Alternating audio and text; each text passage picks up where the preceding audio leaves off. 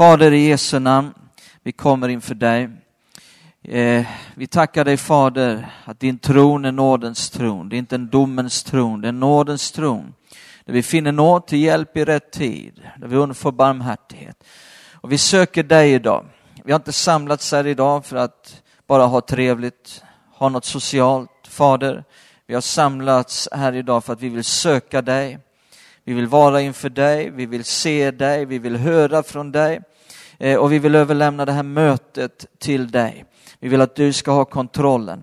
Eh, jag ber Fader att du genom din ande eh, söker varje människa, talar till varje människa, talar långt utöver vad jag säger från den här talarstolen.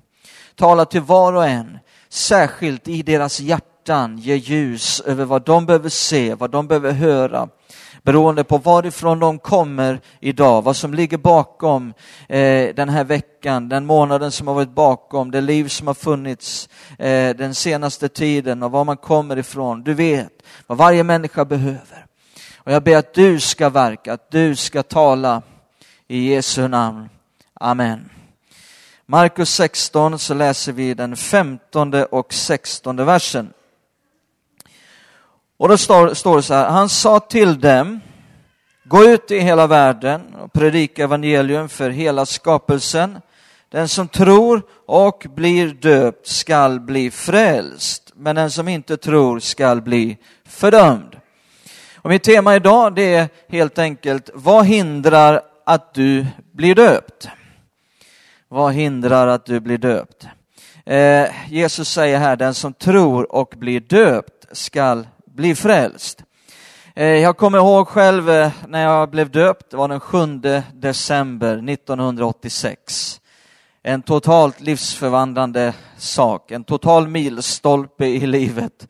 Eh, där allting blev som nytt, där man gick från mörker till ljus, där man fick ett helt nytt perspektiv på hela livet.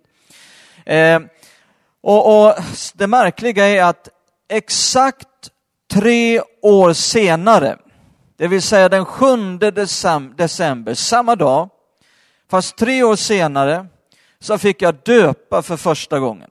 Så på min egen dopdag, tre år senare, så fick jag också förmånen att, att döpa en människa. Och det var en väldigt speciell händelse. Jag låg och, där i, och slumrade lite på eftermiddagen. Eh, jag bodde i USA då, i Tulsa, Oklahoma. Eh, och så bultade det på dörren jag går och öppnar. Där står min eh, gode vän som gick på bibelskolan tillsammans med mig. För han, han gick första året, jag gick andra året. Han var från Kanada. Eh, och, och Viktor han eh, eh kommer in och, och, så säger han Hör, jag har varit på någonting så fantastiskt här i eftermiddag. Jag har varit på en samling och de talade om dopet. Och nu har jag kommit fram till att jag behöver döpas. Han var väldigt ivrig. Ja, men det är ju underbart, sa jag. Fantastiskt, är du inte döpt? Nej, jag är inte döpt. Och, och eh, eh, ja, det var där uppe i Kanada, liksom, det var några som trodde på bebisdopet och de intalade mig att det räckte och därför så lät jag aldrig mig bli döpt. Och, men nu har jag varit på en undervisning där jag fått sånt ljus i Guds ord och, och jag måste bara bli döpt. Ja, men det är ju underbart, sa jag. Fantastiskt. Ja, och Sven, jag tänkte att du ska döpa mig. Nej men det var ju helt under, nej men tack vilket hedersuppdrag och oj vad roligt att jag ska få döpa dig, eh, eh sa, eh, sa jag då. Eh, ja, och sa han, och, och jag måste bli döpt nu. Nu, sa jag. Kände jag inte var lika underbart. Liksom, jag satt och gnuggade sömnen ur ögonen. Eh, Ja, nu måste det ske. Det, det, det, det, har jag sett i Bibeln, att det måste ske på en gång och, och, och så fort som möjligt. Och, ja, sa jag visst, men, men, eh, ja, ja, men, men, men var då? Jo, jag tänkte så här, sa han, att vi ska åka ner till Arizona River. Det var floden som flöt genom Tulsa. Där kan vi döpa, säger han ivrigt. Ja, säger jag, men titta, jag, jag tittade ut och det var nollgradigt väder, det var mörkt ute, det var snöblandat regn, jag överdriver inte, det var snöblandat regn ute. Jag sa, men titta ut, det går ju inte. Ja men snälla, sa han, jag har hört talas om när de döper i Ryssland isvakar och allt möjligt och jag ska bli döpt nu. Ja men nej, det, na. det här var ju inte riktigt lika underbart kände jag. Eh, och, och Och då, då, Eh, då säger jag, försöker liksom komma ur det här, jag säger, ja, men eh, eh jag ska upp till Kanada här om två veckor, det var en annan familj jag skulle hälsa på i Edmonton och han kom också från Edmonton. Och jag sa att när vi kommer upp till Edmonton här om två veckor under jullovet eh, så kan eh, eh, vi eh, skaffa en pool och, och så kan hela, för du vill att din släkt ska vara med, du vill att din familj ska vara med och det kan bli fantastiskt underbart och, och då kan jag döpa dig. Nej, det måste ske nu, säger han. Och nu ska inte du tala mig ur det här. Precis som de där andra. Ska du också göra likadant nu? Tala mig ur det här. Nej, nej, nej. Och, och, och, och så här. Och, och, så satt, när jag satt och försökte tala mig ur det här eh, så, så lyssnade jag också på insidan. Det kan vara farligt. För där bor den helige ande. Och han har en förmåga att tala också. Så jag hörde en, en eh, tydlig stämma i mitt inre, i min ande, som säger om han vill bli döpt, döp honom. Typiskt den helige ande att vara så tydlig och rak. Det finns ingen diplomati och inget tilluddat eller någonting. Oh, jag, oh, oh, så jag, okej, okay, ja, ja, ja, jag ska döpa dig. Eh, eh, och jag gick, men jag liksom tänkte, ja okej, okay, Arizona River, det får bli det. Eh, men lyckligtvis så kommer han på en annan idé, att eh, lägenhetsområdet där han bodde eh, så fanns det en swimmingpool. Det finns det alltid i USA, det finns alltid en swimmingpool på alla sådana här eh, lägenhetsområden. Och då hade de en bubbelpool också. Och den hade de inte stängt, för den brukar de hålla igång ganska länge in på hösten. Eh, eh och, och, den hade, och han sa att jag tror att de fortfarande har vatten i den där, sa han. Eh, så vi åkte dit och vi bytte om i hans lägenhet. Han kommer utspringande i några nå vita eh, kortbyxor och en vit t-shirt.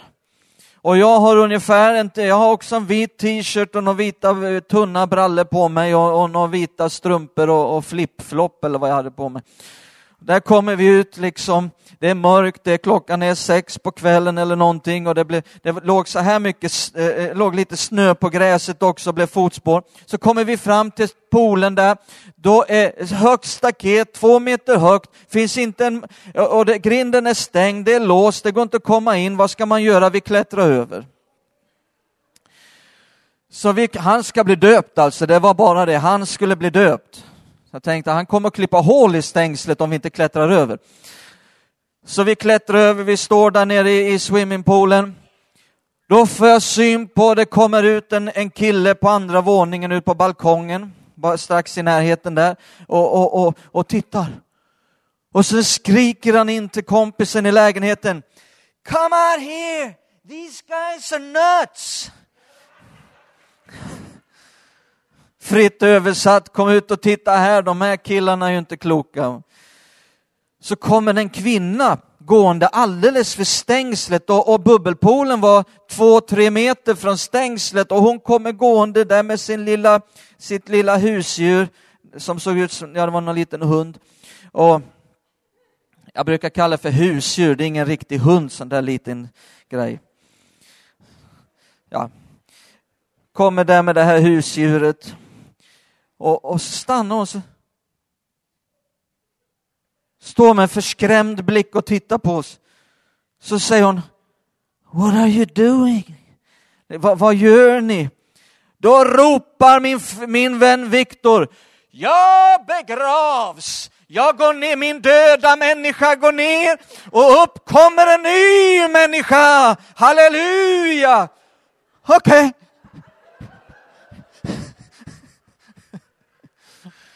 Han var i tredje himlen ungefär.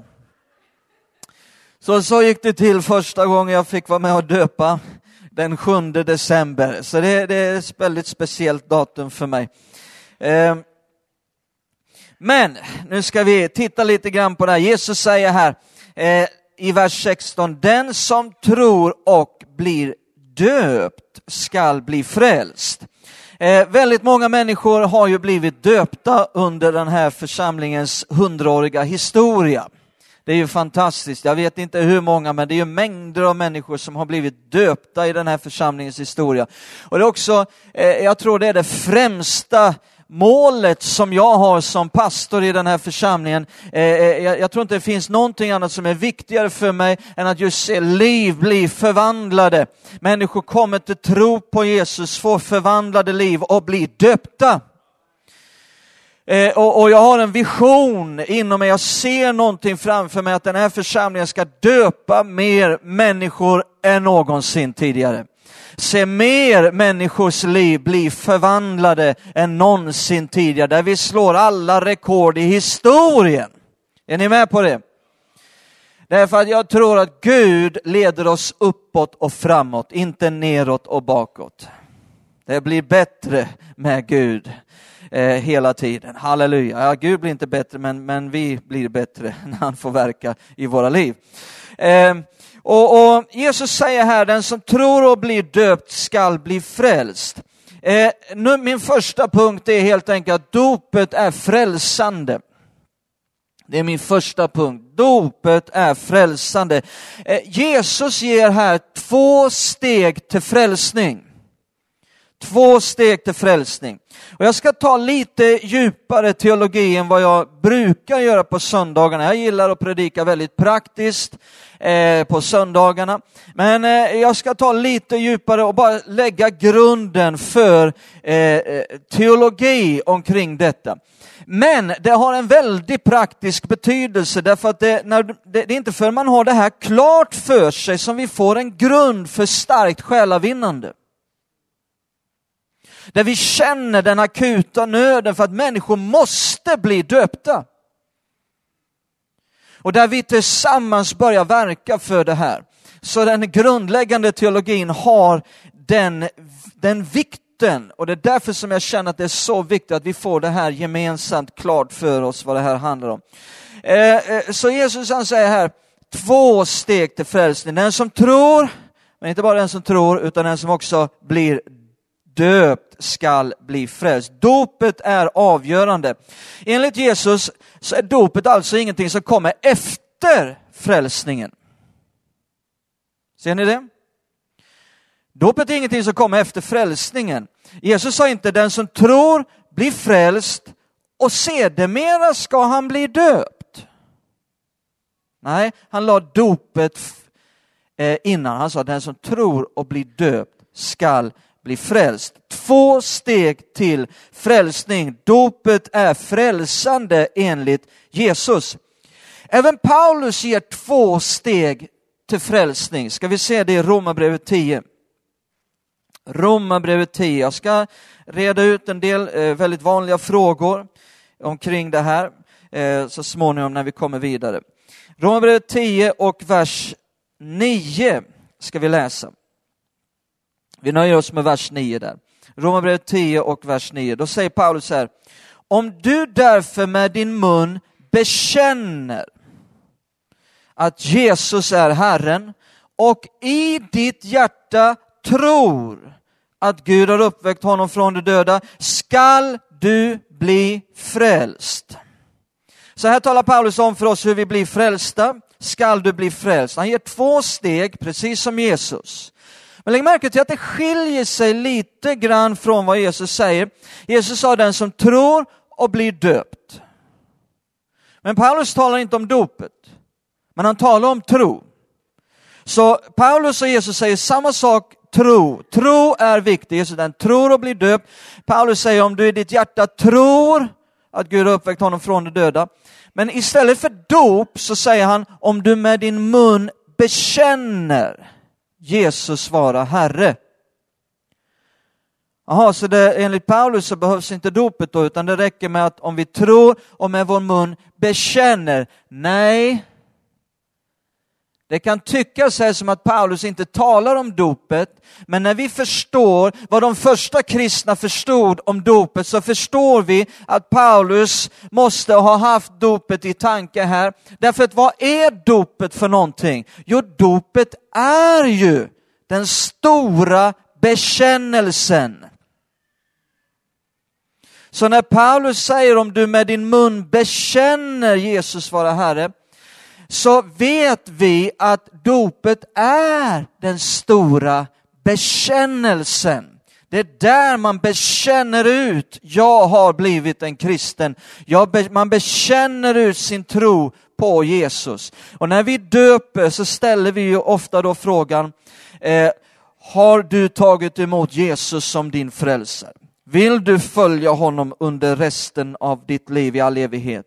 Och människan svarar ja. Och så säger vi när vi döper, på din egen, vadå? bekännelse. Så dopet är den stora bekännelsen där man inte bara bekänner med sin mun, utan man bekänner till och med med en symbolhandling där jag bekänner mig till hans död, jag bekänner mig till hans uppståndelse. Så Paulus talar inte om någonting annat här. Han har inte två helt andra steg, utan det är bara ett annat sätt att säga det på. Dopet är den officiella, för att använda fin vokabulär, så är det den officiella stadfästelsen. Den blir officiell inför andra människor. Jag tror inte på hemliga dop. Jesus dog inte i hemlighet, han dog inför alla människor.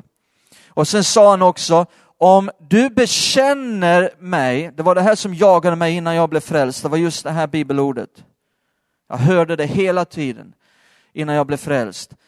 Eh, hur det var någonting som sa till mig, om du, om du inte bekänner mig inför människorna så bekänner inte jag dig inför Fadern. Men om du bekänner mig inför människorna så bekänner jag dig inför Fadern. Kommer ni ihåg Jesus sa det? Så Eh, och, och, och dopet är den stora bekännelsen som Jesus ville att var och en som tror ska göra. Eh, så under den första kristna tiden så hade man det här väldigt klart för sig. Man räknade ingen som frälst som inte var döpt. Lyssna på mig noga vad jag säger här. I Apostlagärningarna under den första kristna tiden. Om man inte var döpt så räknades man inte som frälst. Man visste vad Jesus hade sagt och det här är väldigt tydligt. Under den första kristna tiden så klöv man heller inte hår. Man klöv inte hår och frågade sig, kan man vara frälst utan att vara döpt? Har du sett den frågan i Nya Testamentet? Den finns inte där. Det är först på senare tid som man har börjat ställa sig den frågan. Den fanns inte under den första kristna tiden. Varför då? Därför att tro, dop, frälsning var ett paket. Det hörde samman, man skilde aldrig det här åt. Och var man inte döpt så räknades man inte som kristen. Och på grund av det här så finner vi en mängd bibelställen i Nya Testamentet som just förenar dop dopet med frälsningen och gör dopet frälsande. Vi ska titta på några sådana bibelställen nu i Apostlagärningarna 2. Har man inte det här klart för sig så får man problem med alla de här bibelställena och måste på något vis vrida till dem och det går inte ens att göra. Vad jag håller nu är en väldigt klassisk baptistisk dopförkunnelse. Radikal, rak, tydlig baptistisk dopförkunnelse. Apostlagärningarna 2. Eh, Paulus, nej förlåt mig, Petrus predikar på pingstdagen och sen när han har predikat färdigt så kommer frågan i vers 37. När de hörde detta högg det till i hjärtat på dem och de frågade Petrus och de andra apostlarna, bröder, vad skall vi göra? Ja, det är frågan. Vad ska vi göra för att bli frälst? Och här kommer svaret. Petrus svarade dem, omvänd er, omvänd er och låt er alla döpas i Jesu Kristi namn så att era synder blir förlåtna. Då ska ni få den heligande som gåva. Ser ni här då att eh, Petrus utlovar inte syndernas förlåtelse utan dop. Han säger låt er alla döpas, då kan era synder bli förlåtna. Ser ni här att dopet är frälsande. Utan dop, ingen garanti från Petrus om syndernas förlåtelse. Titta också i första Petrus brev kapitel 3. Första Petrus brev där ska vi se vad han själv skriver i första Petrus brev 3 och 21. 3 och 21 så står det. Eh, efter denna förebild frälser dopet nu också er. Kan han säga frälser? Dopet är frälsande. Efter denna förebild frälser dopet nu också er. Det innebär inte att kroppen renas från smuts utan är ett rent samvetes bekännelse. Här kommer ordet igen, bekännelse. Till Gud genom Jesu Kristi uppståndelse. Så att här står det också att, att i dopet så får vi ett rent samvete. Samvetet har med anden i människan att göra. Nu har vi inte tid att studera det, utan jag bara säger det. Samvetet sitter i människans ande och det är just anden som i människan som blir född på nytt, blir ny, blir en ny skapelse. Det gamla är förgånget, någonting nytt har kommit. Det är någonting som sker i människans ande och därför får man också ett nytt samvete. Man får ett rent samvete. Eh, och Paulus är tydligt, eh, att efter denna förebild frälser dopet, frälser dopet, dopet frälser, dopet är frälsande, ingen frälsning utan dop. Titta också i Kolosserbrevet 2, ska vi se vad Paulus säger. Kolosserbrevet 2.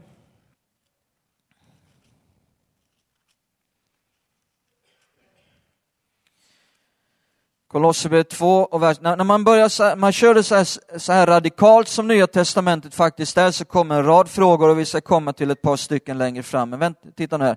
Kolosserbrevet 2 och så står det i vers 11.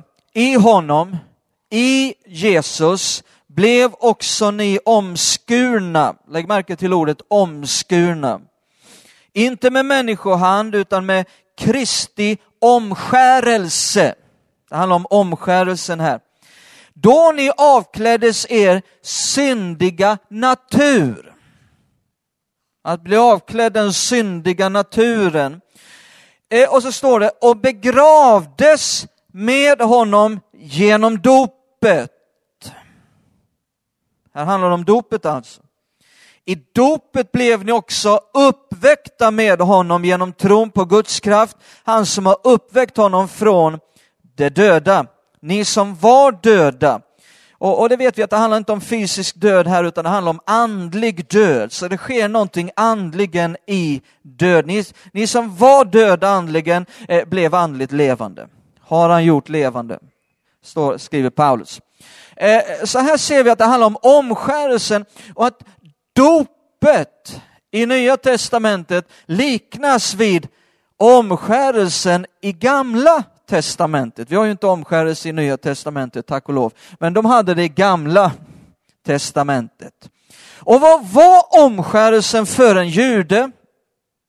Vad är omskärelsen för en jude? Och vad var det i gamla testamentet? Vad handlade det om? Jo, om du eh, går tillbaka, vi ska inte göra det nu, men första Mosebok kapitel 17, så talar Gud med Abraham. Och så säger han till Abraham, eh, ni ska låta omskära er på den åttonde dagen och så vidare. Och detta ska vara ett tecken på förbundet. Vad var omskärelsen? Var det för hygienskäl eller var det för att andra kulturer gjorde det? Nej, det var ett tecken på förbundet. Det fanns ett ärr på varje manskropp som var ett tecken på förbundet. Eh, samma sak som när två afrikanska hövdingar för 200 år sedan nere i Afrika, när de ingick i förbund och eh, skars i underarmarna och man fick stora ärr på underarmarna, så var det ett tecken på förbundet. Och på samma sätt så är hela Bibeln full med de här sakerna. Eh, och, och likadant förbundet med Gud, så fanns det tecken på förbundet. Och det var omskärelsen. Så med andra ord, utan omskärelse så fanns inget tecken på förbund. Det fanns inget förbund om det inte fanns omskärelse. Är ni med mig?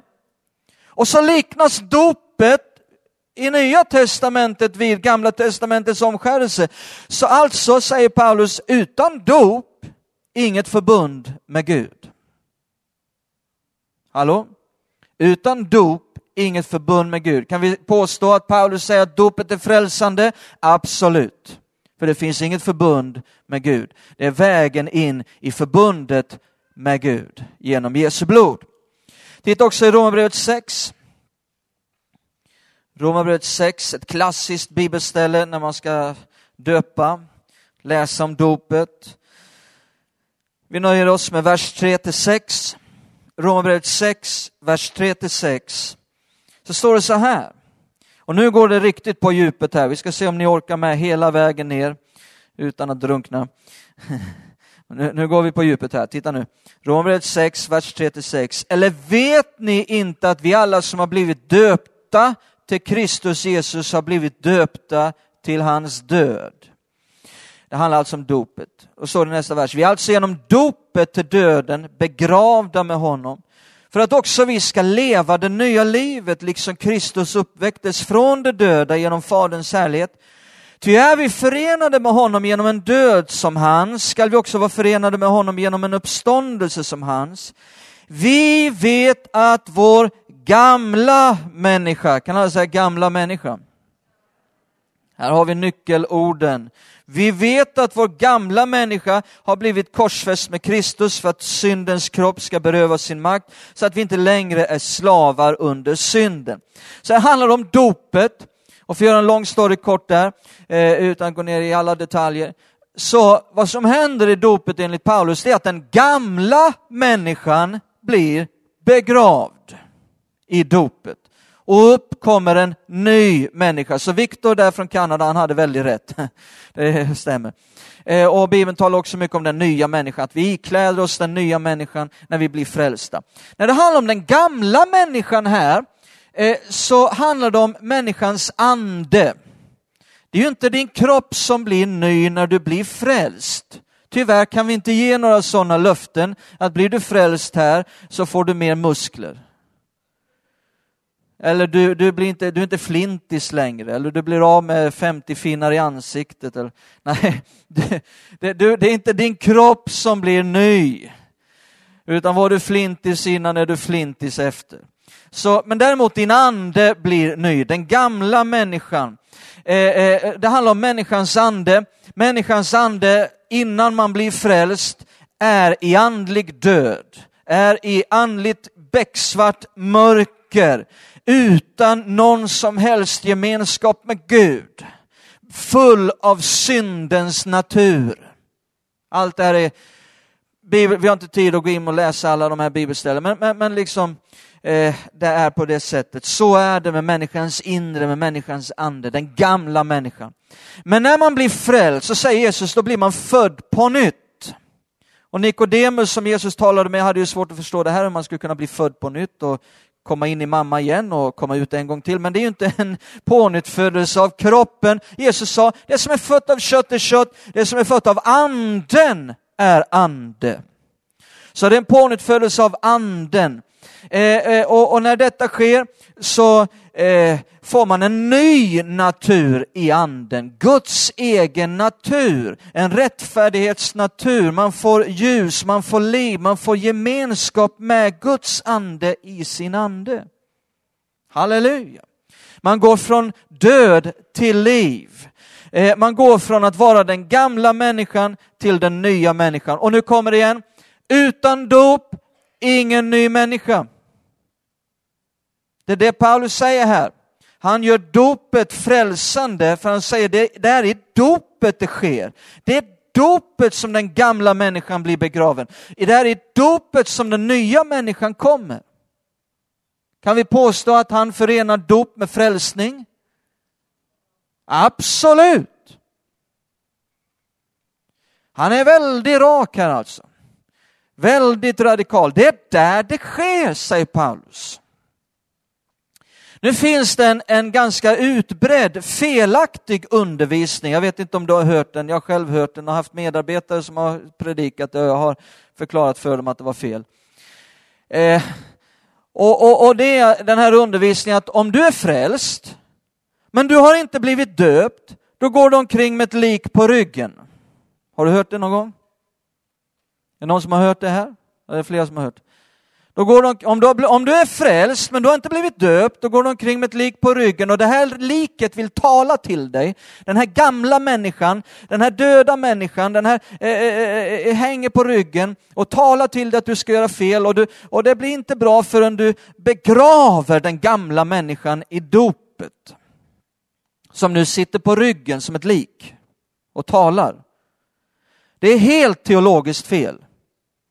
Stämmer inte alls med Nya Testamentet. Eh, Nya Testamentet är väldigt tydligt att det finns ingenting sådant som den nya människan och den gamla människan tillsammans. Det, det finns inte i Nya Testamentet. Antingen är du den gamla människan till 100 procent eller så är du den nya människan till 100 procent. Inte den nya människan med den gamla människan på ryggen. Hallå! Det är helt teologiskt fel.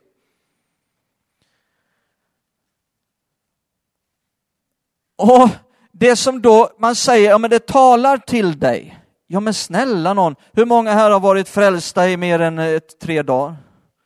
Ja, visst. Har du någonsin upplevt att någonting efter du har varit frälst i 15 år och du är döpt sedan lång tid tillbaka, är det någonting som ibland talar till dig att du ska göra fel? Ja. Och vad är det? Köttet. Paulus talar om striden mellan anden och köttet. Nu ska inte vi gå in på i detalj på det, utan eh, en del som inte fattar ett dugg vad jag pratar om nu, du får eh, komma med frågor här efteråt. Jag kan vara kvar hela eftermiddagen. Men vi ska inte ta det här om anden och köttet nu, utan eh, det är inte biffarna på grillen om du tror det. Men i alla fall, Eh, Eh, köttet går ju inte att begrava i dopet. Det är inte något lik på ryggen som talar, det är köttet. Och det går inte att begrava i dopet, utan det måste man vinna seger över på ett annat sätt. Eh, men vi ser här i alla fall att Paulus är väldigt tydlig här med att utan dop, ingen ny människa. Och eh, vad vi då har sett genom de här bibelställena, vi har sett vad Jesus säger, vi har sett vad Petrus säger, vi har sett vad Paulus säger, det är att Genom dopet, vad utlovas genom dopet? Jo, frälsning har vi sett, syndernas förlåtelse, förbund med Gud, eh, man blir en ny människa, man får eh, ett rent samvete. Eh, detta utlovas genom dopet. Kan vi påstå att Nya Testamentet är tydlig med att dopet är frälsande? Det är väldigt tydligt. Tro och dop och frälsning hör samman.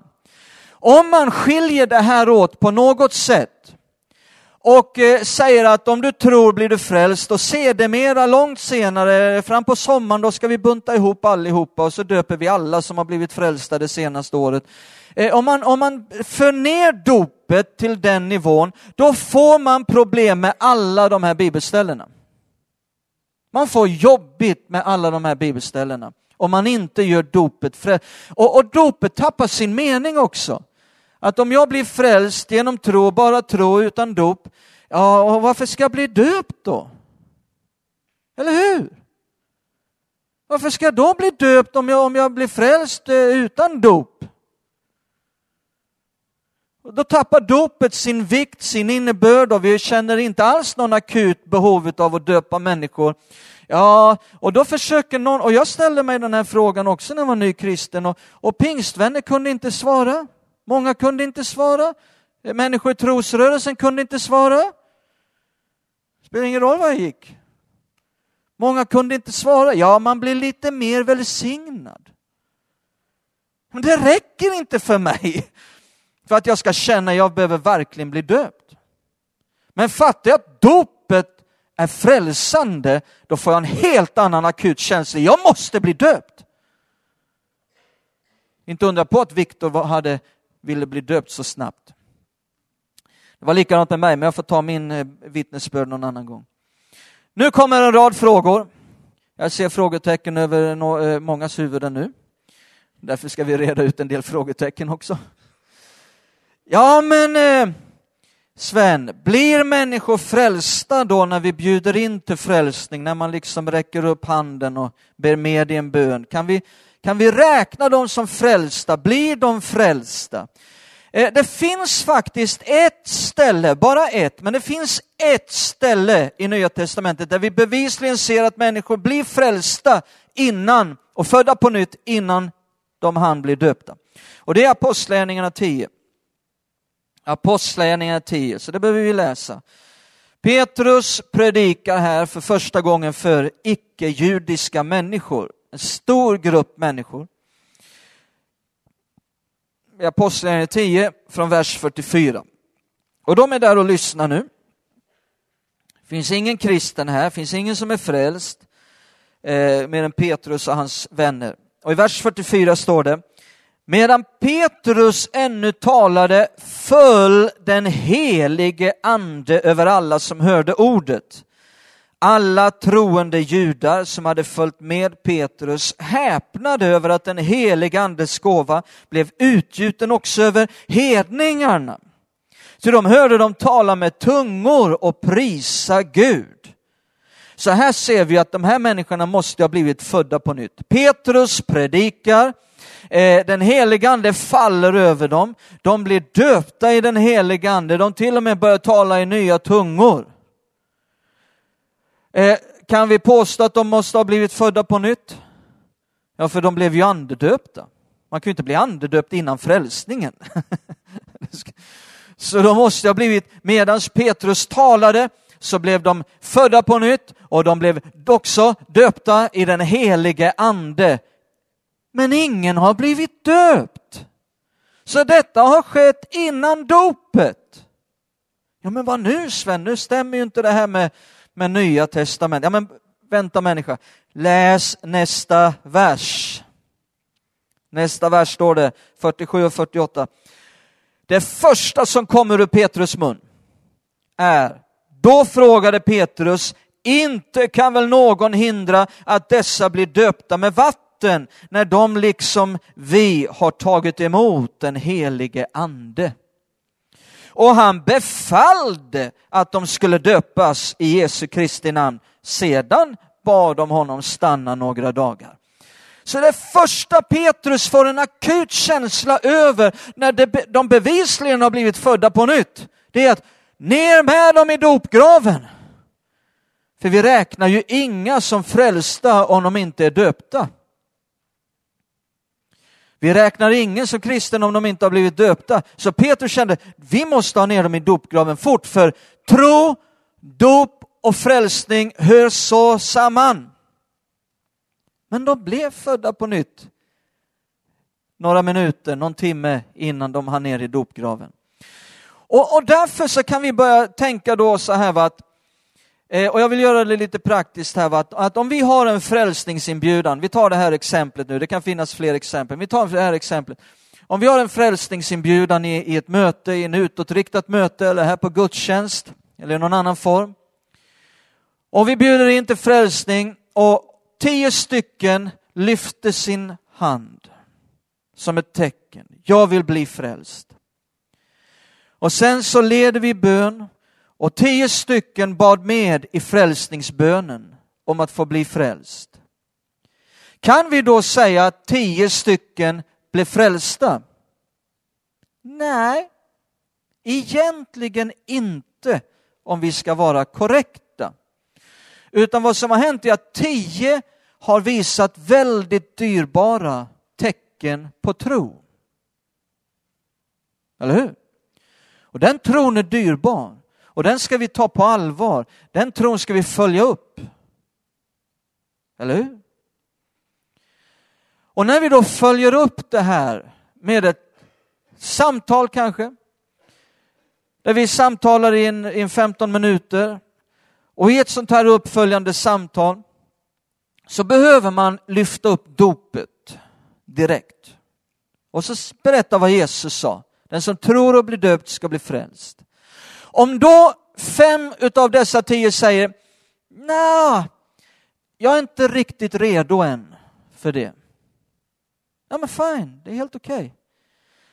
Okay. De är på en resa, de är i en process.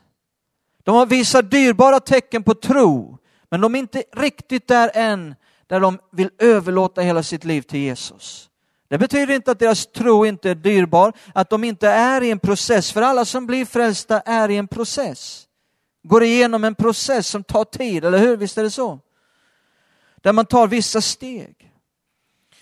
Eh, eh, eh, men däremot om fem andra säger, ja men självklart om Jesus vill att jag ska bli döpt, han är min Herre nu. Han ska bestämma över mitt liv. Om han vill att jag ska bli döpt, då blir jag döpt. Absolut. Hur, fort kan det, hur snart kan vi döpa? Då vet vi att de här fem kanske redan har blivit födda på nytt. Är ni med?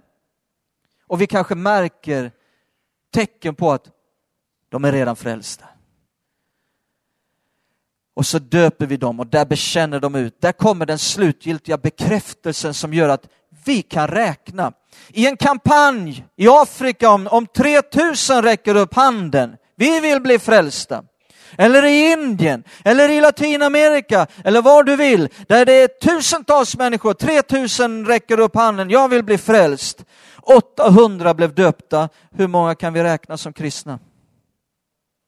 800. Är ni med? Vi kan inte säga att 3000 blev frälsta. Vi kan säga att 3000 gensvarade på en inbjudan till frälsning. Om vi ska vara korrekta. Är ni med?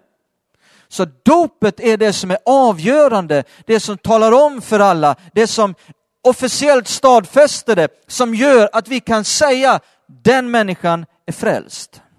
Och den människan har också en trygghet, för den kan alltid peka tillbaka. Jag har bekänt min tro genom dopet. Jag är frälst. Det blir avgörande för den människan också. Eh, sen brukar det vara en vanlig fråga också när man predikar så här. Ja, men rövaren på korset. Rövaren på korset. Han blev ju inte döpt. Och Jesus sa till honom, idag ska du vara med mig i paradiset. Vad säger du nu Sven? Ja, jag vet inte. Jo då, det är väldigt enkelt. För det första, rövaren på korset var en av de sista som dog under gamla testamentet. Nej Sven, det läser vi om i nya testamentet. Ja, men när började det, det nya förbundet?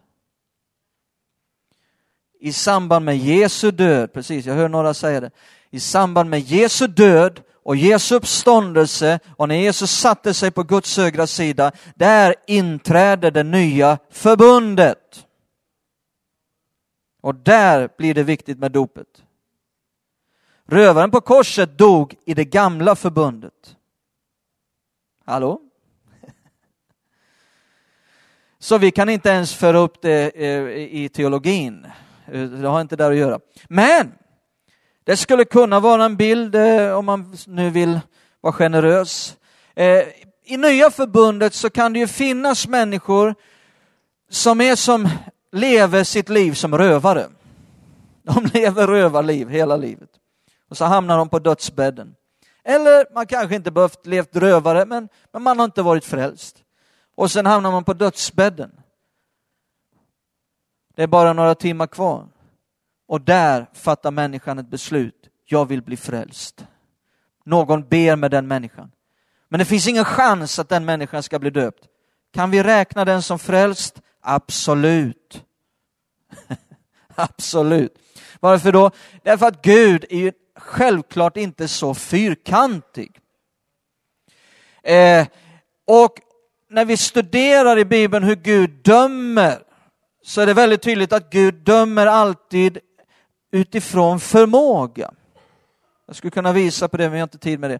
Men Gud dömer alltid utifrån förmåga. Han tar med det. Och därför drar han inte alla över en kam och dömer schablonmässigt. Vi kan vara glada att inte vi är domarna. Är du glad för det? Du behöver inte sitta på den stora vita tronen och döma varje levande. men eh, eh, Gud dömer utifrån förmåga. Och finns ingen förmåga att bli döpt på dödsbädden så ser Gud det. Den människan blir frälst. Halleluja. Men lyssna här. Hur många av alla som blir frälsta, hur stor procent blev det på dödsbädden? försvinnande liten del procentuellt blir frälsta på dödsbädden. I princip alla, i princip alla människor har förmågan att bli döpt. Eller hur? Så det här är lite hypoteser som man ibland drar för att dra teologin väldigt hårt. I princip alla har förmåga, Gud ser det, att genom tro och dop blir du frälst. Eh, nästa fråga då som brukar vara vanlig är, ja men människor i bebisdöpande samfund, hur är det med dem då? inte de frälsta?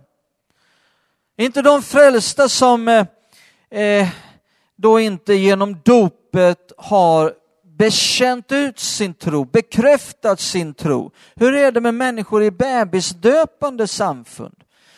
Och absolut är det ju så att vi möter ju varma, härliga kristna människor i samfund som predikar och talar om att bebisar ska döpas. Det vill säga man lägger eh, dopet innan tron. Jesus sa inte eh, den som tror och, blev och, och, och, eh, har blivit döpt. Nej, han säger den som tror och blir döpt. Hela Nya Testamentet lägger alltid dopet efter tron. Och man bekänner sin tro. Det kan inte en bebis göra. Så bara där blir det fel. Ehm, men hur är det med dem? Vi möter ju varma och fina kristna som bevisligen måste vara födda på nytt. Kan vi hålla med om det? Det vore ju absurt om vi räknade liksom eh, vissa missionsförbundare för ja, de är inte frälsta. Det skulle... Nej, absolut, vi möter många. Och vad beror det på då? Jo, det beror på att även här, Gud tar med förmåga och Gud, märker vi också i Bibeln, dömer utifrån det mått av ljus som en människa har. Har du sett det i Bibeln?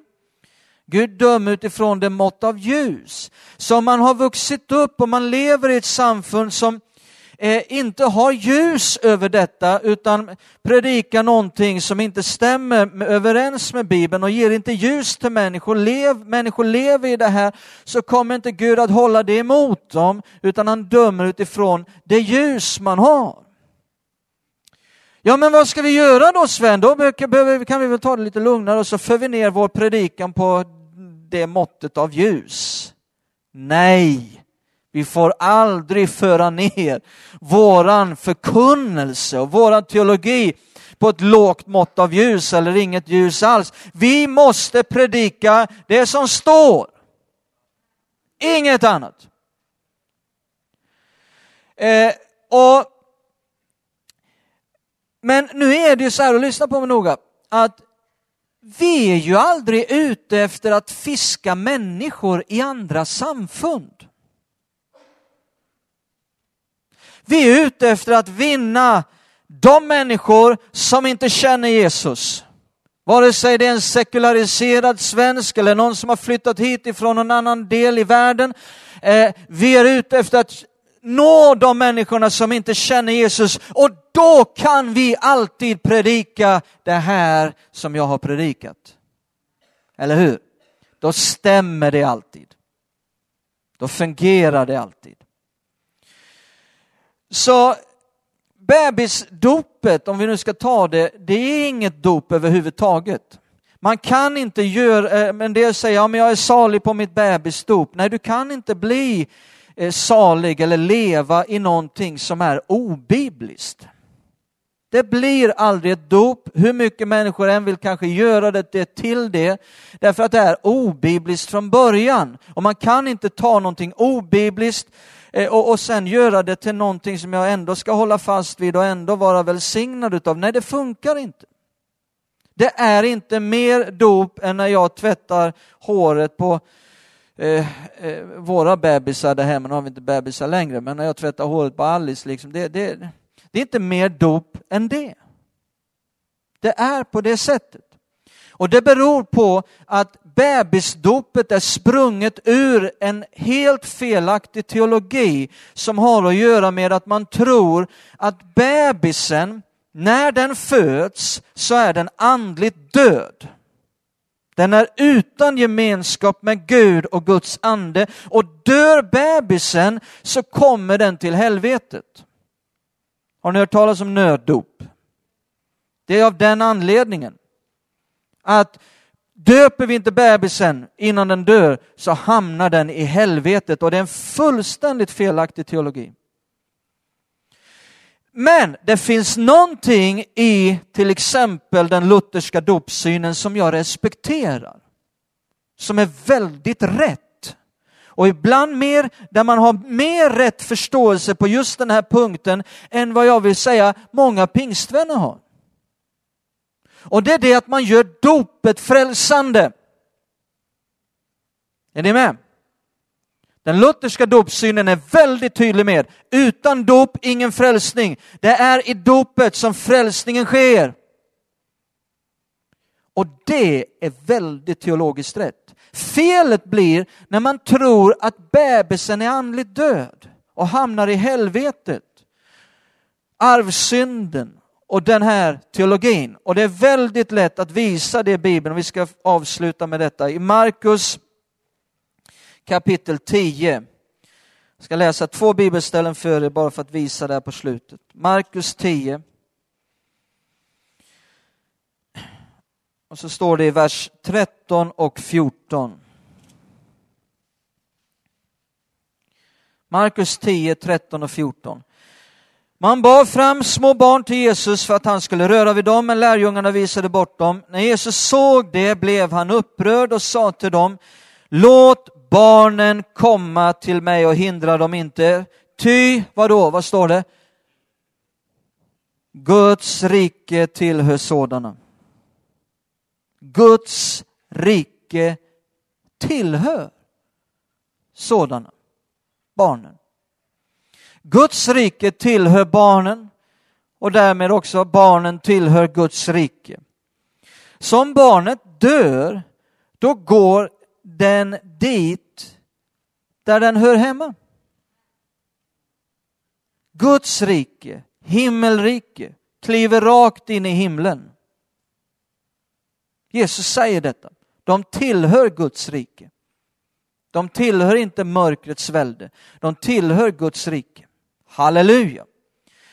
Jag ska ta ett bibelställe till och nu får du ta på dig syrgastuberna för nu ska vi dyka djupt. Då tror vi på uppståndelse sen.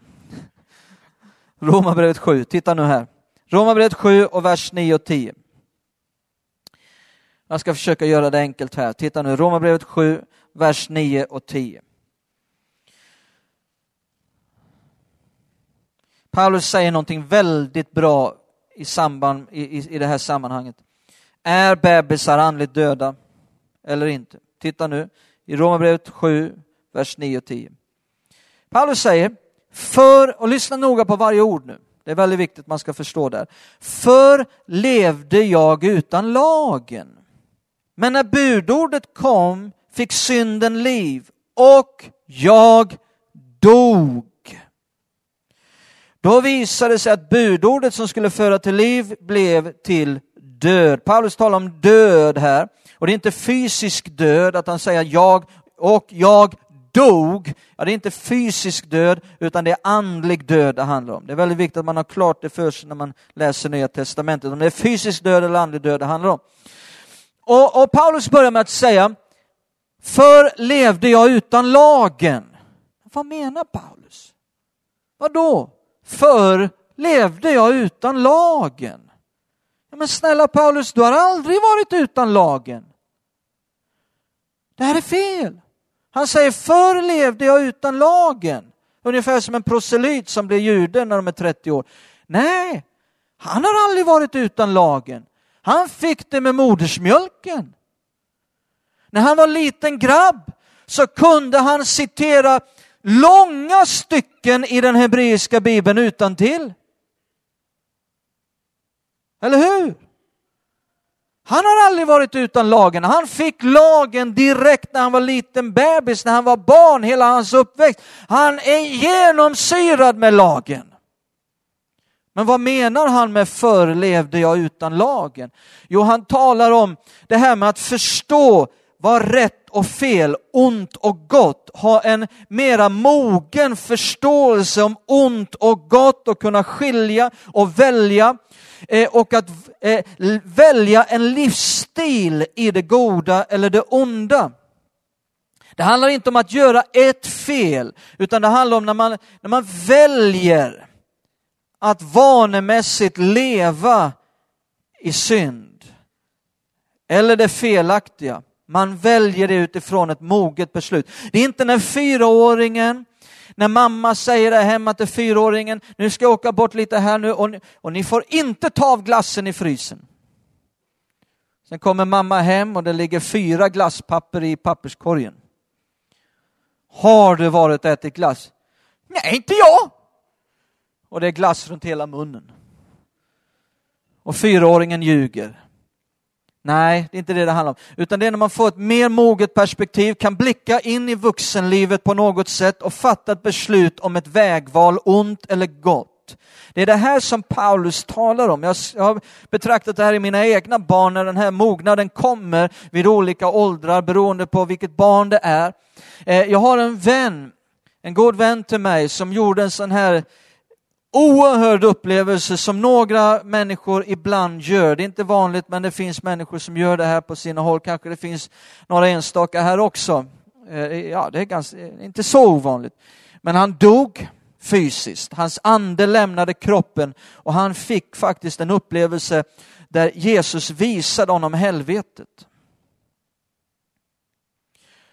Och det han såg och det han fick där, det var att ingen under 15 år var i helvetet. Nu ska vi inte basera någonting på erfarenheter, vi baserar bara vår tro på Guds ord. Jag vill bara flika in det. Därför jag tror att det finns en, en ålder där människan mognar, eh, den unga människan mognar och kan blicka in och väljer man ett liv i synd, borta från Gud, så dör man andligen. Och Paulus säger sen då, förr levde jag utan lagen, eh, men när budordet kom fick synden liv och så säger han, och jag dog. Och nu kommer vi tillbaka till det här. Om Paulus hade varit död andligen när han föddes som bebis, hur skulle han då kunna ha dött andligen? Det är att han säger ah, och jag dog andligen betyder ju att han måste ha varit vid andligt liv. Är ni med? När han var liten, när han var bebis, upp till en viss ålder. Eh, jag ska inte gå in på det mer än så, men eh, vi ser att bebisar är andligt vid liv. Och hur vi har sett det i våra bebisar. Kanske du också har gjort sådana här upplevelser. Jag vet vår lilla Elida en gång när hon var ett och ett halvt år. Hon var ett och ett halvt år. Och jag och Vicky, vi satt och bad lite tyst för oss själva. Och plötsligt börjar Elida på ett sätt vi aldrig hade varit med om tidigare. Hade aldrig hänt. Hon började prisa Gud på golvet. Hon stod på golvet. Och hon var, är den som har varit snabbast med talet av våra fem barn. Eh, hon sjöng ordet dyra Jesu blod, den meningen när hon var ett och ett halvt år. Som var väldigt eh, så här uttrycksfull med ord. Hon började prisa Gud. Och det här min vän, det var inte på ett imiterande sätt. Guds kärlek föll över oss, fyllde hela vardagsrummet där vi satt. Vi började gråta, jag och Vicky, under Guds närvaro. Det var som ett ljus som bara fyllde hela vardagsrummet. Och vi bara såg på henne när hon i flera minuter prisade Gud på ett sätt som jag har sett få människor göra. Människor som verkligen upplevt Gud på ett speciellt sätt har sett prisa Gud på det här sättet. Uppfylld av den helige Ande. Bebisars ande är vid liv. Därav är det fel att döpa bebisar. Det är inte nödvändigt med bebisdopet. Jag har hållit på lite extra här idag. Hoppas det har hjälpt eh, er att bära med er detta. Därför att nu så kom en känsla, människor måste bli döpta. Är ni med? Det är det här som jag vill föda fram med den här undervisningen. Vi har haft bibelstudie idag eh, och eh, jag tror att det ska föda fram det här. människor behöver bli döpta. Vi ska agera som en kropp med ett hjärta och en själ till att se människors liv bli förvandlade och vi ska döpa mängder. Och jag tror att det är inte bara jag som ska döpa här utan andra kommer att döpa och cellgruppsledare kommer att döpa och vi ska döpa massor med människor. Är ni med? Halleluja. Ska vi stå upp tillsammans? Prisad vare Herrens namn. Har de, någon, har de planerat något mer? Ja. Eh, ni kan komma fram och så ska vi sjunga någonting mer här på slutet. Och jag vill bara säga så här att medans vi nu sjunger lite tillsammans här i slutet av gudstjänsten. Eh, om du finns här idag och du säger Sven, jag är inte en kristen. Jag lever inte med Gud. Jag skulle vilja bjuda in Jesus i mitt liv. Jag skulle vilja bli en kristen. Jag skulle vilja bli det här som ni kallar för frälst. Jag skulle vilja att himlen är mitt hem. Dit jag kommer den gången jag dör. Jag vill få tillhöra Jesus. Jag vill, jag vill få bli frälst. Jag vill att någon be tillsammans med mig. Då vill jag att du ska veta att vi finns här för dig. Det kanske finns flera här idag som upplever det på det här sättet. Och då vill jag att du ska veta att vi finns här för dig.